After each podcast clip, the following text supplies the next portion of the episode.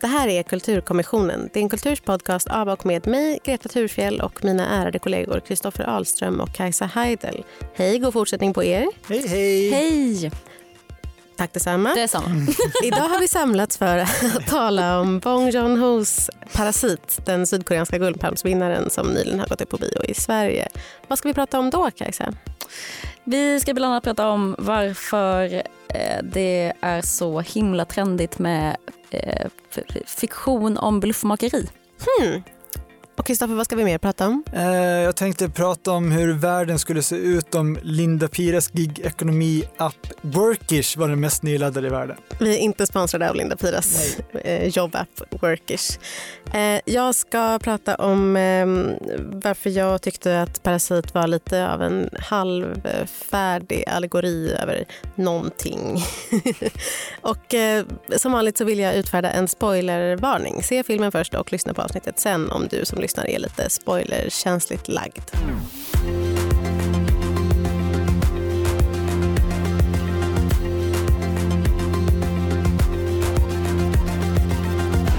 Familjen Kim bor i en källarlägenhet, är arbetslösa och saknar pengar. När den unge sonen får jobb som privatlärare åt överklassfamiljen Parks tonårsdotter smider han en plan. Och snart har all personal i det vackra huset ersatts av medlemmar i familjen Kim. Men i källaren döljer sig en hemlighet som riskerar att avslöja bluffen och sätta allt på spel.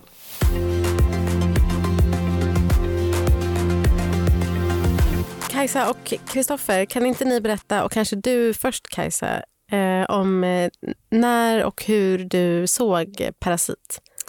Ja, eh, eh, jag såg Parasit eh, tidigare än den, än den hade haft premiär. Det var någon förhandsvisning för några månader sedan. Och, eh, jag hade alltså 0,0 eh, procent eh, förväntningar. jag visste nog inte ens vem det var som hade regisserat den tror jag. så jag gick dit med liksom, eh, ah, jag visste inte alls vad jag skulle förvänta mig. Eh, och tänkte väl inte särskilt högt om den heller för att, ah, jag vet inte, så här, icke engelskspråkig film för dem. Men alltså, jag vet inte, jag, jag hade väldigt lågt ställda förväntningar mm. och eh, eh, blev ju helt golvad liksom. Jag kommer ihåg just det där att du var så golvad efteråt. Det har nämligen satt, eller vad säger det har ställt till det för mig. Kristoffer, hur, hur var din bioupplevelse?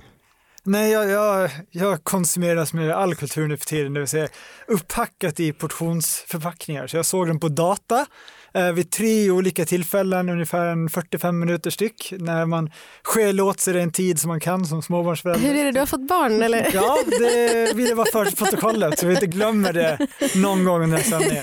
Kristoffer har lite kräk på sin eh, hoodie Ja, jag blev uppmärksammad om det vid kaffeautomaten jag hade missat. Lite, lite ja. mjölkkräks. Mm. Det är ett nytt liv. Gott kämpat. Yes. Um, hur ser er relation till regissören Bong Joon-Ho ut sen tidigare? Eh, ganska långt tillbaka. Mm.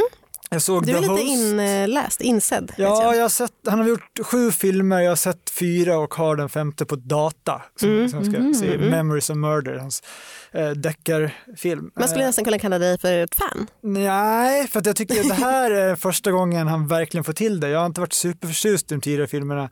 The Host är den här monsterfilmen om ett tentakelmonster som dyker upp i en flod i Seoul i Sydkorea. Eh, och sen har du Snowpiercer som var den här science fiction-filmen om ett höghastighetståg som åker runt, runt, runt på jorden och är någon slags klassanalys. det är väldigt roligt så här, hmm, det finns första och andra klass på tåg, vad kan vi göra av det? Eh, och sen då den här Okja som vi har pratat om i mm, podden tidigare som mm. jag verkligen inte alls gillade. Mm. Eh, men eh, Parasit tycker jag är hans absolut bästa hittills. Kanske också mest renodlade, vilket kanske var därför de förra varit spretiga tycker jag. Mm, mm. Du då Kajsa, har du någon, har någon eh, Nej. kärlek, relation sen Nej, jag har inte sett eh, någonting alls faktiskt. Jag, jag har hört om Okja men jag har inte... Du behöver inte se Okja. Nej, jag, jag har också förstått det. Den kan vi lämna därhän, det är en mm. barnfilm. Men eh, då skulle jag vilja fråga så här. Vad var det i Parasit som gjorde att ni båda, som jag har förstått på förhand, att ni båda eh, tyckte om den? Vad var det som gjorde liksom att, den, att den fastnade i dig på ett sätt som de tidigare filmerna av honom inte hade gjort, Kristoffer? Nej men sagt, jag tycker att eh men, det Bångenhof det gör att han blandar väldigt mycket genrer och det gör att tonträffen inte alltid blir så klockren. I Ocka till exempel, kommer ihåg det här, de här konstiga humorinslagen som mm. består liksom av det groteska överspelet med Jake Gyllenhaal och Tilda Swinton och det var löständer och liksom, ja, buskishumor i stora delar. Här, här har liksom humorn mycket mörkare ton som jag tycker ja, limmar bra med, med filmens tema. Till exempel inledningsscenen tycker jag är fantastisk när den fattiga familjen sitter i sin källarlägenhet och så kommer liksom en insektsbekämpare går runt och, och ja, de desinficerar gatorna och sprutar liksom insektsgift. Och eh, då sitter den här familjen och så bara nej, eh, stäng inte fönstren för då får vi gratis desinficering. Eh, och det tyckte jag var eh, eh, ja, en humor som, som passar mig och eh, filmens ton och tema väldigt väl.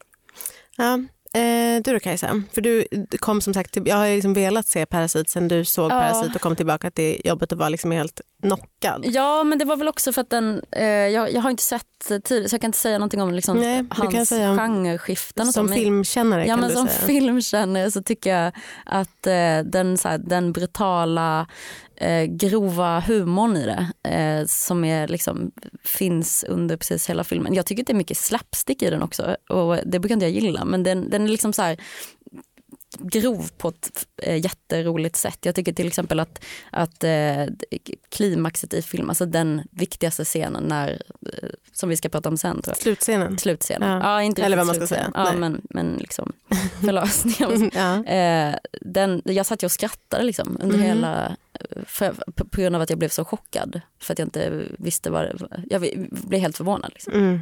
Mm. Så det mm. var nog eh, det plus, plus en Ja, men den är smart. Liksom. Den är inte övertydlig i, sitt, eh, i sin samhällskritik upplever jag. Men den finns ju där eh, liksom som en botten som är intressant. Vad tycker du? Nej, jag håller inte med. Jag tyckte för det första inte att den var så himla rolig. Och Det kanske är jag som... Eh, eh, jag vet inte vad det är. Det är någonting med, med så här, ah, jag, jag, bara, jag, jag, bara, jag skrattade inte. Och, och liksom folk eh, runt omkring mig skrattade. Jag, jag menar inte, inte ens när de säger de här skojiga engelska uttrycken. ja, det är lite, det är lite säger någonting om någonting. Då, det säger de någonting om någonting, ja. eller hur? Men jag tycker allt som säger någonting om någonting kan dra åt helvete. men, jag tycker, men jag tycker inte att den var så himla kul och så tyckte jag inte att den var så... Alltså jag, jag, har lite liksom olika sorters problem med den som vi kan återkomma till. Det jag skulle vilja fråga er är så här. Kände ni för familjen, alltså då menar jag familjen eh, Kim först och främst, den, den fattiga familjen, familjen som man liksom följer eller som man, som man hejar på inom stora citationstecken. Ja. Alltså jag känner ju för dem på det sätt som jag kan se eh, det tydliga i att de är en familj ur underklassen i det att de gör meningslösa jobb, de eh, är flexibla på arbetsmarknaden, mm. anpassningsbara, eh, superambitiösa, känner till spelets regler. På många sätt är de ju så street smarta. De, de vet om att man ljuger, mm. som jag tänker att överklassen inte vet på samma sätt. Mm. Därför blir de också naiva. Ja, precis, eller de ljuger om andra saker. Mm. Verkligen. Du då Kristoffer? Ja, alltså, jag, jag kände... Liksom fastnade du för, för någon av familjemedlemmarna? Ja, ja alltså, jag, jag fastnade faktiskt för båda familjerna, både familjen Kim och familjen Park. Och mm. För att det jag gillar med den här jag tänkte mycket på, har ni sett uh, Shoplifters, den som vann mm. Guldpalmen? Mm. Inte helt olik Nej, Shoplifters. Koredas uh, japanska film om liksom en fattig familj som lever på marginalen och försöker, försöker tvingas fuska sig fram. Mm. Shoplifters, mycket bättre film. Nej, det tycker inte jag. Jag tycker det här var en bättre Shoplifters. Har du sett den också? Ja. ja. Nej, men där känns det som att Shoplifters så finns det liksom en romantisering av den här fattigdomen på ett sätt. Att de, så här, I alla fall i skildringen av familjens sammanhållning och så. Och här tyckte jag att det inte alls var samma utan det fanns fanns liksom bara en sån sak som att filmen heter Parasit kan ju också vara ironiskt såklart, men mm. i att den här familjen då tvungna att parasitera på de mm. övre samhällsskikten för att ta sig fram. Men jag tyckte också att överklassfamiljen Park hade någon slags, ja, det fanns bevekelsegrunder. Liksom. Jag gillar att eh, de är så rädda för att det ska vara, någonting ska vara fel. De är livrädda för att liksom, deras son ska ha någon åkomma eller liksom schizofrena drag. Eh, De anstränger sig jättemycket för att han ska få ett fint kalas och de leker liksom indianer och så vidare. Så att jag tyckte att de hade en, en fin balans att ingen var rakt igenom ond eller rakt igenom god, även om det finns den nästan serietidningsartade med att överklassfamiljen pratar om hur de fattiga luktar på ett särskilt som kokta rädisor. Mm. Mm. Ja, nej, men absolut. Men jag tänker också, för min första instinktiva reaktion var ju så här, gud vad dumma de är. Men så tänkte jag, så, men det är ju det man alltid tänker om människor som blir lurade. Alltså att, att, man, att man dumförklarar offret på något sätt. Det vill säga Ja, de det- som faktiskt blir lurade. Den rika familjen. Ja men exakt. Och, då, och det, jag tänker att det är också intressant att varför tycker vi att de är så jävla dumma och naiva? Det Nej, är de precis, precis. inte. Det är lätt för, för, betraktare, för biopubliken att säga på något sätt. Mm. Men, det, men det finns ju verkligen någonting i det där. Att de, liksom, de är så... Eh, mamman i, i familjen Park är så noga med att eh, så här, nej jag, jag går bara på rekommendation Ja. och det är det bästa. Man bara, men ni, den här person, ni kan ju inte lita på den här personen. Den, det är så här, ja, det är viktigt att det är någon man känner. Så här, och om du säger man bara, ni har ju känt varandra i fem ja, minuter. jag tycker Alltså, det, mest, det, det mest är det som är så bra. Att de Ja. är sådär att de bara, jo men vi, vi känner varandra för att du är godkänd av mig för jag så här, ser igenom dig eller jag fattar vem du är. Det finns någon scen som är så fantastisk när, när pappan i den fattiga familjen sträcker fram det här visitkortet Mm. eh, i bilen och Mm. ska rekommendera städfirman eller Mm, någonting. mm. Och han tittar på, papp, den rika pappan tittar på visitkortet och bara, ah, cool design. Det, liksom, det säger så Ja, extremt mycket. Så lätt, eh, lätt eh, köpta på något vis. Men det sådär. finns också Men det är någonting- så man gör. Mm, Det, det, mm. ja. Ja, och det är också så här, nu kommer jag inte ihåg exakt vad den här eh, fejkade firman på visitkortet heter, men Nej, det är någonting jag. engelska, typ The Crew eller något Ja. sånt där. Och det hela tiden återkommer hur liksom kulturellt nervösa den här överklassfamiljen är, att de liksom, eh, det är till och med så, för det är så den fattiga familjen tas in är genom sprickorna i den här borgerliga fasaden. Att de Mm. är till och så rädda att deras barn inte ska vara supersmarta och välutbildade och genom att de liksom tar engelska namn, alltså Kevin Mm. och Jessica kan Mm. de säga, bara Mm. det är så imponerande på den överklassfamiljen att de bara, ja ah, men det här, vill- det här vill liksom jag anamma, liksom, för de har inte kulturellt kapital men de vill så väldigt gärna ha det. Och det är ju samma med de här engelska uttrycken verkligen Ja, som de liksom Mm. slänger sig med i tid och. Eller bara en sån sak som att, som att familjen blir så imponerad av att, av att Jessica är från Illinois. det är jättekul att de bara, åh vad här exotiskt, vilken storstad. Så. Den här lilla ramsan som Jessica rabblar innan hon ska gå in Mm, har ju också mm, blivit någon viral Ett mem. Ja, precis. Ja, nej, men det, det, eh, det är jättebra. Jag måste säga, jag tycker början var bra. Jag tyckte det var, det var liksom jättespännande så länge som de skulle nästla sig in i familjen, i familjen Park. Och sen tycker jag att det eh, faller lite grann. Men det här med, med, med ehm, precis som du sa Kajsa, det är ju liksom eh, på många sätt en väldigt så här, tydlig eh, skildring av klassklyftor. Det är en Mm. rik familj, det är en fattig familj. Mm. Den fattiga familjen jobbar liksom väldigt, på ett väldigt modernt sätt i så här gig-ekonomin. Att de Mm. tar på sig då att göra, vika pizzakartonger åt ett eh, sånt pizza delivery eh, Det företag. tyckte jag också var jätteroligt. Mm. Ja, Hur när kan de du inte tycka att det är kul Greta? Den är, Det är ju som är så kul med det. Jo, man kan tänka sig hur så det här, är de satir. använder Linda Piras app så får de sitta och vika Ja, pizzakartonger. Det, Alltså det, ja, precis. eh, nej, men Det det är är så, lika kul som Linda Piras app. som inte heller är kul. Eh, nej, men, och det där som du sa Kristoffer också med, med när de pratar om just hur de luktar, att det är någonting väldigt liksom, grundläggande som så här, skiljer. Det är väldigt svårt att fejka att man är rik, även om man eh, gör sitt allra bästa och typ kan kolla på internet hur rika ser ut och för sig. Mm. Tycker ni att det, eh, hur, j, j, vad ska man säga, det här liksom Eh, den fattiga familjens sätt att liksom eh, klättra sig uppåt i hierarkin. De får det ju också väldigt mycket bättre ställt i takt med att de, in, inte bara när de liksom ta, ska ta sig in i deras hus och leva som dem utan också redan innan. De tjänar pengar, de har liksom råd att köpa hem mat, de har råd att gå ut och äta, de har råd med liksom de, de fina kläderna som de måste ha på sig när de jobbar. Ehm, Just det.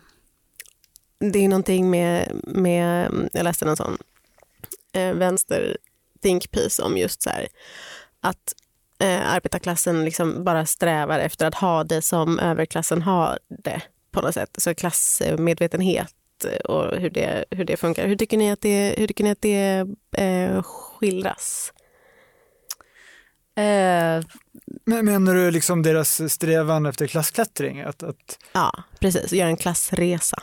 Ja, men det är väl ingen som är nöjd med att vara fattig och eh, chanslös i samhället. Eh, däremot jag kan tycka är fint ändå som förenar de två familjerna är liksom en strävan efter ett gott liv. Mm. Eh, och sen liksom vilka metoder eller på vilken nivå det är. Och sen är också, eh, vi nämner ju då i introt här att det finns saker som sker i källaren på rika familjen Parks hus. Och där, ska man säga, där bor då de den tidigare hushållerskan och hennes man bor där för de har liksom någon så underjordisk eh, bunker ifall Nordkorea skulle anfalla med missiler. Så finns det liksom en slags panic room eh, i källaren där de har hållit sig gömda. Eh, så, och det visar också att även det finns folk som är fattigare än den fattiga familjen.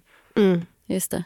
Jag tycker det är spännande med, med hur, de, eller hur filmen arbetar så mycket i, eh, i vad ska man säga, i nivå. Eller, Fysiska Ja. nivåer. Ja, i fysiska nivåer. Ja, men ex, ja exakt. Ja. Att, att man på, på riktigt så här klättrar i trappor Mm. eh, från källaren upp till det här vackra huset på, på toppen. Jag tycker också att det är väldigt eh, spännande att, att eh, klimatfrågan kommer in som en, som en liten instick i det att de, de springer ner för trapporna och, och upp, inser att det här hällregnet eh, den fattiga familjen då, när de kommer ner hela vägen eh, ins- liksom ser att, att deras hus eh, eh, b- ja, eh, blir översvämmat. Mm. Och när de kommer tillbaka till, till huset dagen efter där så, så tror jag det är någon syrlig kommentar om att det var så fantastiskt att det kom lite regn för Mm. då, då blir gräsmattan grönare eller vad det är. Mm. Mm. Alltså, Ja, luftföroreningarna försvinner. ja just det, Mm. något sånt ja. Men, Eh, Men, men också, eh, jag tänker på, jag tänkte jättemycket på filmen Us, en av dina favoritfilmer Greta, som du också pratar med i podden, med liksom det här metaforiska med en källare som ett nästan, eh, ett undermedvetet där man tränger undan det obehagliga och så får det hållas där så har man liksom det, det fina och ordnade på ytan upp till. Det, Men det, för det är det jag tyckte, jag kommer, nu minns jag inte, jag kan liksom inte minnas om jag tyckte om Us eller inte, eller om du var ironisk. Men, Nej, jag minns men, det som att du gillar. men jag gillade den. Jag tyckte framförallt att där tyckte jag att källaren eller den här undre världen var så himla bra. Därför att där går man liksom in på riktigt för att göra allegori av det. Och här tycker jag att den är, det, är liksom, film som allegori och det här, liksom så här mörkret i källaren. Som inte, då, då tycker jag då ska, man, då ska man ge sig hän åt det mer än vad, vad, vad Fast regissören har med den här gjort. filmen, för att i, i Us så fanns det liksom en nästan övernaturlig, det fanns en övernaturlig Mm. spin på det. Här är det liksom bara, det är socialrealism om än med viss satir, men det är liksom ändå tydligt uppe och nere. mm.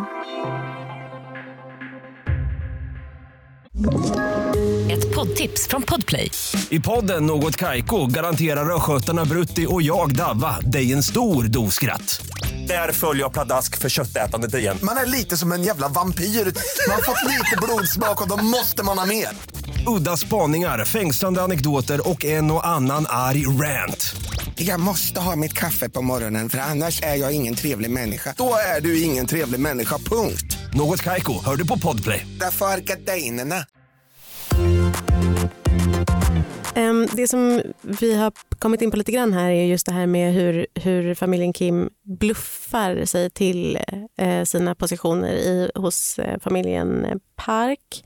Och då tänkte jag just på liksom hur de går tillväga och hur de förställer sig som, som eh, amerikaner och eh, chaufförer och, och allt vad de är. Varför är, varför är den eh, liksom, varför är bluff... Eh, bluffmakeriet så intressant? Eh, Det är inte bara intressant, det är så trendigt. Populärt. Ja, verkligen. Alltså, kan, du, kan du svara på det Kajsa? Vad, vad tror du det är som gör att man, liksom, att man eh, ja, både liksom att man allt- går på bluffen men också att man är så himla intresserad av bluffen, bluffmakaren, svindlaren. Svindlaren, det är verkligen vår, det är liksom eh, den bästa historien Mm. just nu. Allt ifrån liksom svindlare på Tinder till Anna Delvey till Fire Festival. Anna Delvey, vår allt sånt. husgud. Ja, exakt. Men det är verkligen, eh, det, det är väl precis så som jag själv känner för svindlare, som alla andra känner för svindlare. Det är en sån satans bra historia, eh, först och främst. Mm. Och att eh, fiktion saknar bra historier. Mm. Gud, tänk att svindlaren är, den ensamma svindlaren är så den nya sekten. typ. Ja. Eh, att, att folk har alltid haft ett så enormt stort intresse för sekter och nu Ja. är man så här, nej, tråkigt med grupp. Eh, vi går rakt på eh, den så bluffande individen istället. ja, kanske. Men är det inte också så att social mobilitet har blivit svårare? Att klassklyftorna växer? Att ett av få snabba sätt som fortfarande går att klättra i status och karriär är liksom att fuska sig fram. Som Ja. Elizabeth Holmes eller Anna Delvey eller ja, vilka som helst de här är exempel på. Och då gör väl också att man någonstans beundrar det här modet, och, eller högmodet kanske till och med, Mm. att, att Men- våga vara så skamlös. Ja.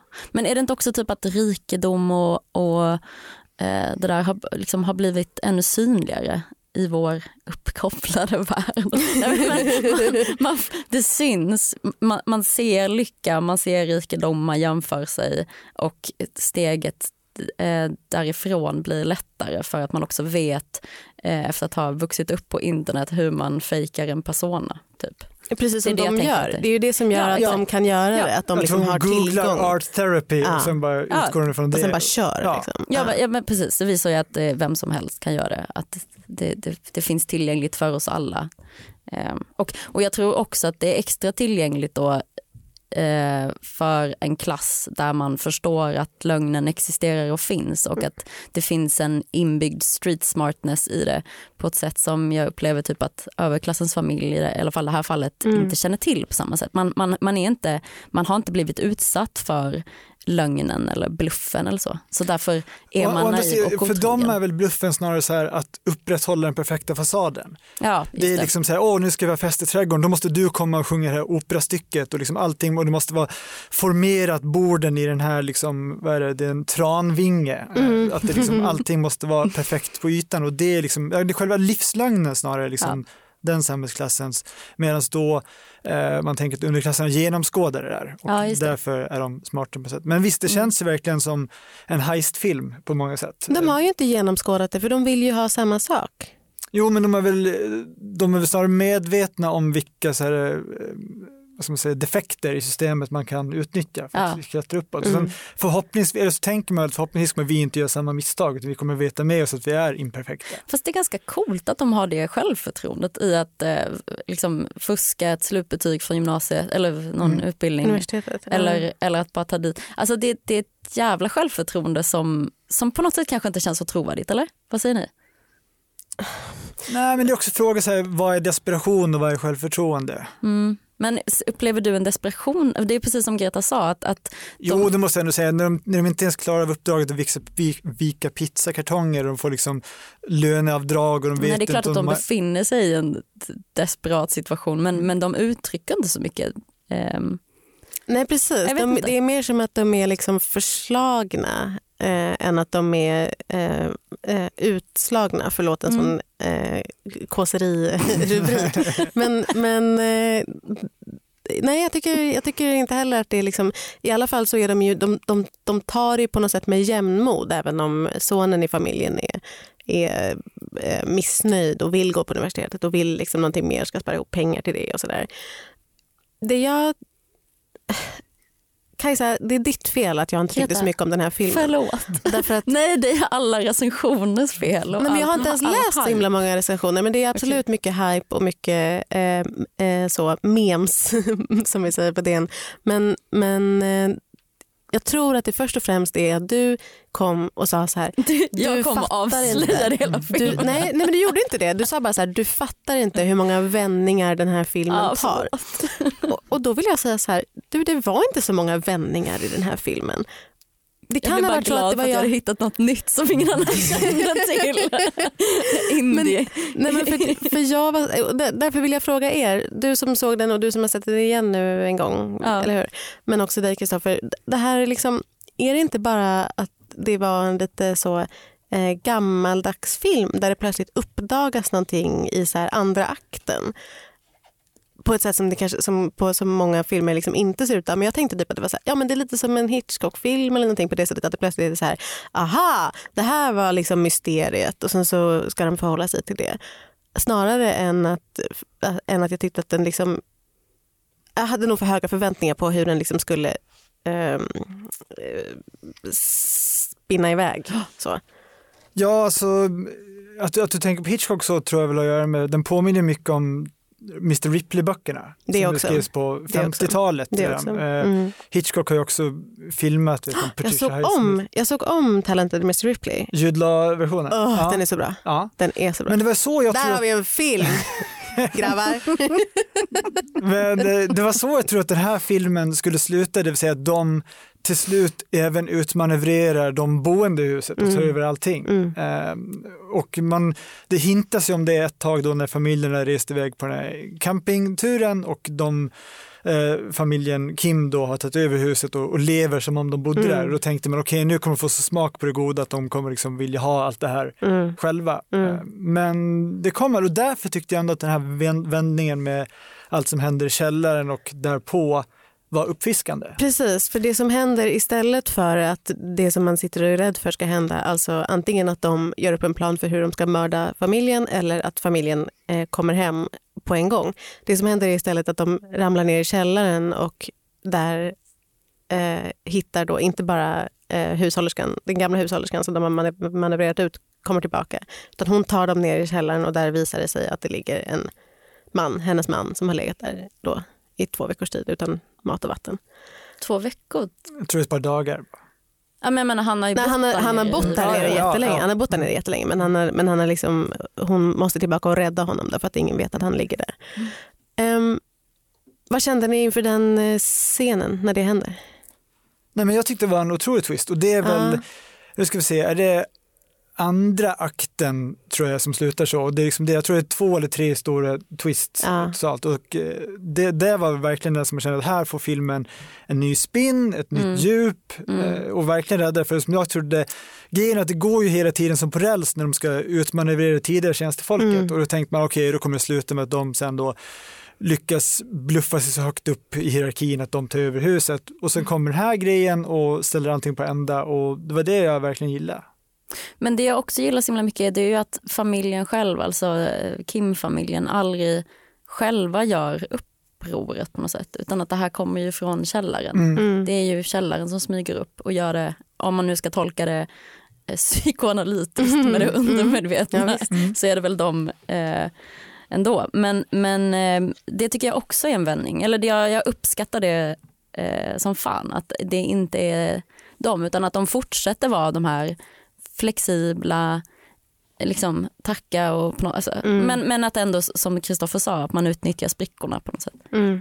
Ja, jo men absolut. Eh, jag tyckte liksom att jag såg framför mig hur det skulle bli mer psykoanalys. Jag var öppen Mm. för, för mer liksom, eh, Det finns alldeles för lite psykoanalys. Om man nu ändå ska liksom, eh, sätta igång det så tycker jag då ska man göra det mer fullt ut än att det är så här, ja, de liksom, det är ju en väldigt tydlig sån härska på tjänstefolk-grej. Att så här, Mm. Jo men de fattiga hålls eh, liksom, i kök eller på nedervåningen. Så här. Men sen så finns det liksom en, en underklass till där under på något sätt. Mm. Det, ja, jo, det, det är lite för... Liksom, Vad ska vi säga för att kunna övertyga dig?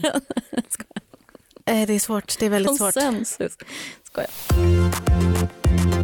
Vi kanske ska tala om filmens eh, klimax, då, den omtalade scenen som, som föregås av det som är eh, eh, bilden som man har sett väldigt mycket på internet där alla står och håller i tårtan ute i, i eh, trädgården på den här eh, festen. Det som sen utvecklar sig till en otroligt blodig splatterscen. Och där vill jag säga så här att jag blundade det mesta den här tiden för jag är så himla, himla rädd för blod. Ni kan få eh, berätta lite grann om den här scenen och vad ni, eh, hur ni eh, reagerade på den. Ja, Kajsa har redan berättat sin reaktion, men eh, vi kan, jag kan bara säga kort vad som händer så kan vi gå igenom reaktionen Mm. sen. Det är ju då att eh, den tidigare eh, husfrun i hemmet eh, avlider i en eh, olycka, fallolycka kan man väl säga, hon blev knuffad ner för trappan. Eh, mannen lyckas ta sig loss, eh, få tag på en kniv, eh, ger sig upp i trädgården där den yngsta sonens födelsedagsfest pågår, så jättefint och fixat. Eh, och han har en förskärare i handen och sen börjar han liksom hugga vilt omkring sig och det sprutar blod över ja, maträtter och, och gräsmatta. Och, ja. Och någon Och hugger ihjäl någon med ett Och liksom grillspett. Mm. Ja. Och det, det Och två pappor spelar indianer. För att, Oh. det är också så Eh, Men jag, ja. vet, jag, jag satt på, på en nyårsfest där folk precis har sett filmen eh, och då har jag inte göra det och de beklagade sig för de tyckte att splatterinslagen hade inte behövts i filmen. Så jag var ändå lite så här, ja, jag väntade på Mm. den. Men jag tycker ändå att det kändes som att den behövdes för att om det är en social satir så måste man liksom gå over the top.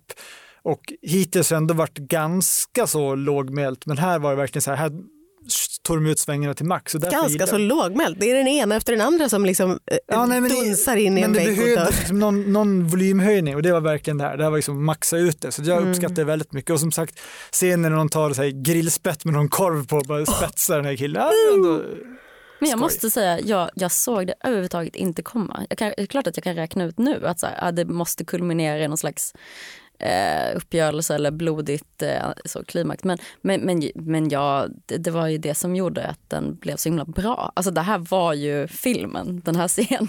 Det var där jag bara, Gre- Greta, du som älskar klasskrig, du måste fråga, för det är inte en förlösning i den här scenen? Absolut, ja, Mm. men den håller jag med om att den är för, förlösande även om jag inte kunde bli så förlöst eftersom jag satt och blundade och gömde mig i mitt eget armveck och sånt där. Men, men eh, nej, jo absolut. Det som är bra med den scenen framförallt är ju det som vi har återkommit till att, att eh, den rika eh, pappan rusar fram till mannen i källaren för att, för att ta upp ett par bilnycklar som ligger under honom och ryggar tillbaka för att han tycker att han luktar så starkt. Och det är ju då det här som, det är ju ett eh, ögonblick av, av eh, klassolidaritet måste man ju säga när, när eh, den fattiga pappan men inte, men inte mannen i källaren då liksom tappar det och bara nu, det här, är- nu är hämndens timme slagen. Så här, så här reagerar man inte på oss. Och hugger ihjäl den rika eh, pappan. Men det fanns också något, man satte liksom katarsis i halsen lite grann i och med att dottern i den fattiga familjen Mm. dör ju också. Verkligen. under Det här. Så det var inte så här, åh, nu kommer äntligen hämnden underifrån mot de bortskämda i överklassen franska revolutionens style. Utan Just det var mer bara att ja, alla drabbas. mm. Nej, precis, det är en sån man måste knäcka några fattigmans eh, ägg. Eh, jätte, för jag tycker också, jag tycker mest om dottern så det var jättesorgligt också.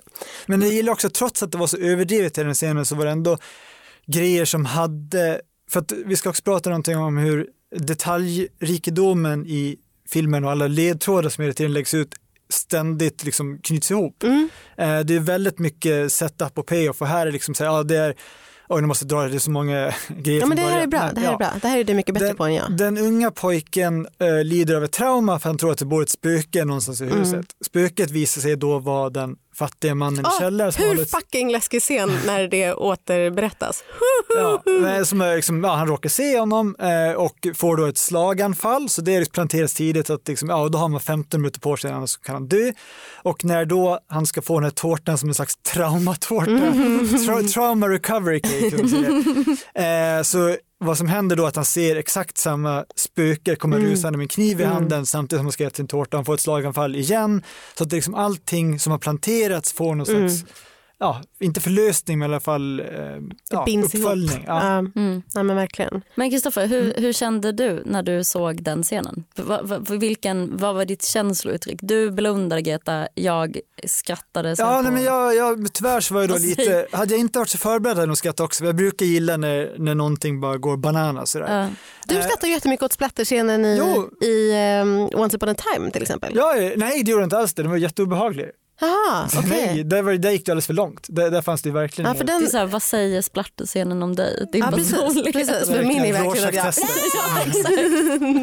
Ta mig härifrån! Vilken personlighetstyp är du? Ja, precis, den sjuka personligheten som skrattar åt uh, splatterscenen. Nej, men jag tänkte Det på det här med, med liksom, eh, små detaljer som bara läggs ut, som sen, att allting visar sig få betydelse. Är ju, till exempel här, man nämner i förbifarten, ja, han har varit scout och det visar sig, okej, då kan han morsekod så då kan de kommunicera med morse Mm. och, och allting sånt där. Och även, eh, jag vet att du Greta avskyr den här scenen när pappan, de är med om en översvämning i sitt fattig, fattigmanshem, eh, tvungna att evakueras till en gympasal och han Mm. håller en liten monolog om att så här, det är ingen idé att hopp för att hopp bara gör att man, ja det grusas liksom, man blir bara besviken. Jag tyckte, den var, Banal. jag tyckte den var banal. Jag tyckte den var, den var liksom, för då, hörde, för då blev jag också irriterad på publiken som satt runt omkring och bara suckade så här. Ja, så är det. Ja, så är Men det. Kristoffer, fattar du någonting som inte vi fattar om Nej, den men, scenen? ja, men för Eller är den banal? nej, alltså, ja, den är ju banal. Det finns ju något säkert Men varför, varför, gör, klassiskt. Nej, men jag, varför göra någonting som ska vara liksom, eh, men- sant? Och så är Men, jag jätte... tror den scenen planterar bara, och det kan man ju också säga så här, ja, är är den då funktionen? viktig eller är det bara en dramaturgisk funktion? Funktionen är ju att när han och pappan sen eh, flyr bokstavligen under jorden och bosätter sig i källaren så berättar ju sonen i ett brev sen om sitt hopp och sin dröm om att en dag Mm. tjäna så mycket pengar så att han kan köpa huset till familjen. Eh, och det visas ju en så här eh, dröm flash forward sekvens. Eh, Men det, nej jag vet, jag tycker inte Inte heller att den scenen i gympasalen är särskilt bra. Men om den har någon slags funktion eller varför den finns, ska jag säga att det är därför för att man liksom peggar upp det för den här, att sonen ska liksom ha en vision att sträva efter. Ja, nu börjar du sucka lite grann över den här scenen där, där sonen i familjen också eh, drömmer om att liksom ta sig upp i världen för att kunna befria sin pappa. Ja. Ja, det gillar grann. du inte? Nej men jag gillar nog eh, lite generellt att det kanske inte var så många slut. Nej.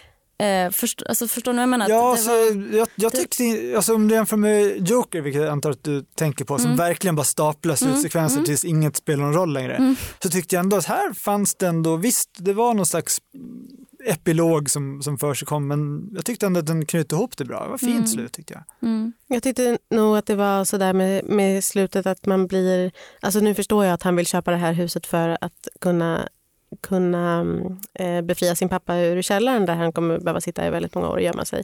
Men det det, det också är ju bara ännu en liksom, eh, klassreseberättelse. ja, även om då han ska man liksom förstå att han aldrig kommer kunna göra det. Men det Ja, precis. inte Eller så, här, eller så här, ja men det kanske han kommer kunna göra och då har vi en ny rik familj i stan. Ja fast poängen är väl att man ska förstå att han aldrig kommer kunna göra det. Och det har man typ förstått lite genom hela filmen. Så att, jag vet inte, jag behövde inte den även om det var, det, kan, det kanske måste sluta. Ja, men Så. som någon emotionell avslutning tror jag ändå att det behövdes. ja, Även om det var deppigt när man sen inser som du säger att det aldrig kommer hända. ja, Det som är eh, en annan grej som sonen håller på med Eh, under filmens gång är ju just det här att han, han, upp, han har någon liten replik som är så här It's so metaphorical eh, eh, om allting. Och det är ju, det är ju liksom en film med väldigt mycket metaforer, eller med, som jag har tjatat om, det är väldigt mycket allegori över så. Eh, så det undermedvetna i källaren, eller så här, eh, underklassen i källaren och så här, det finns någon, en mörk ande där som är så här, trapporna och och trapporna och, och liksom höjden och hur de liksom måste ta sig ner jättedjupt ner för att komma till sitt eget hem. Och det är bara så översvämmat av, av liksom avloppsvatten. Så.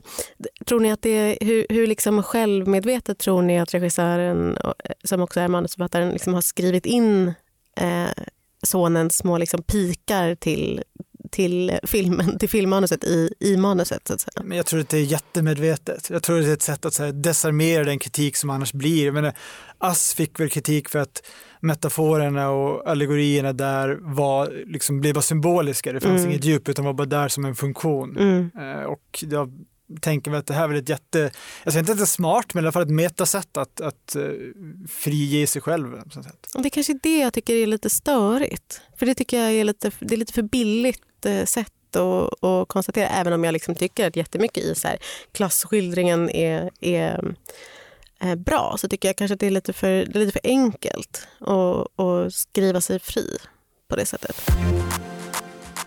Med den eh, sanningen så tackar Kulturkommissionen för sig. Och vi som har pratat idag heter Greta Thurfjell, Kristoffer Ahlström och Kajsa Heidel. Tekniker var Oliver Bergman och podden är ett samarbete mellan Dagens Nyheter och Bauer Media. Vi återkommer om två veckor. Till dess, god fortsättning och! Hej då! hej då.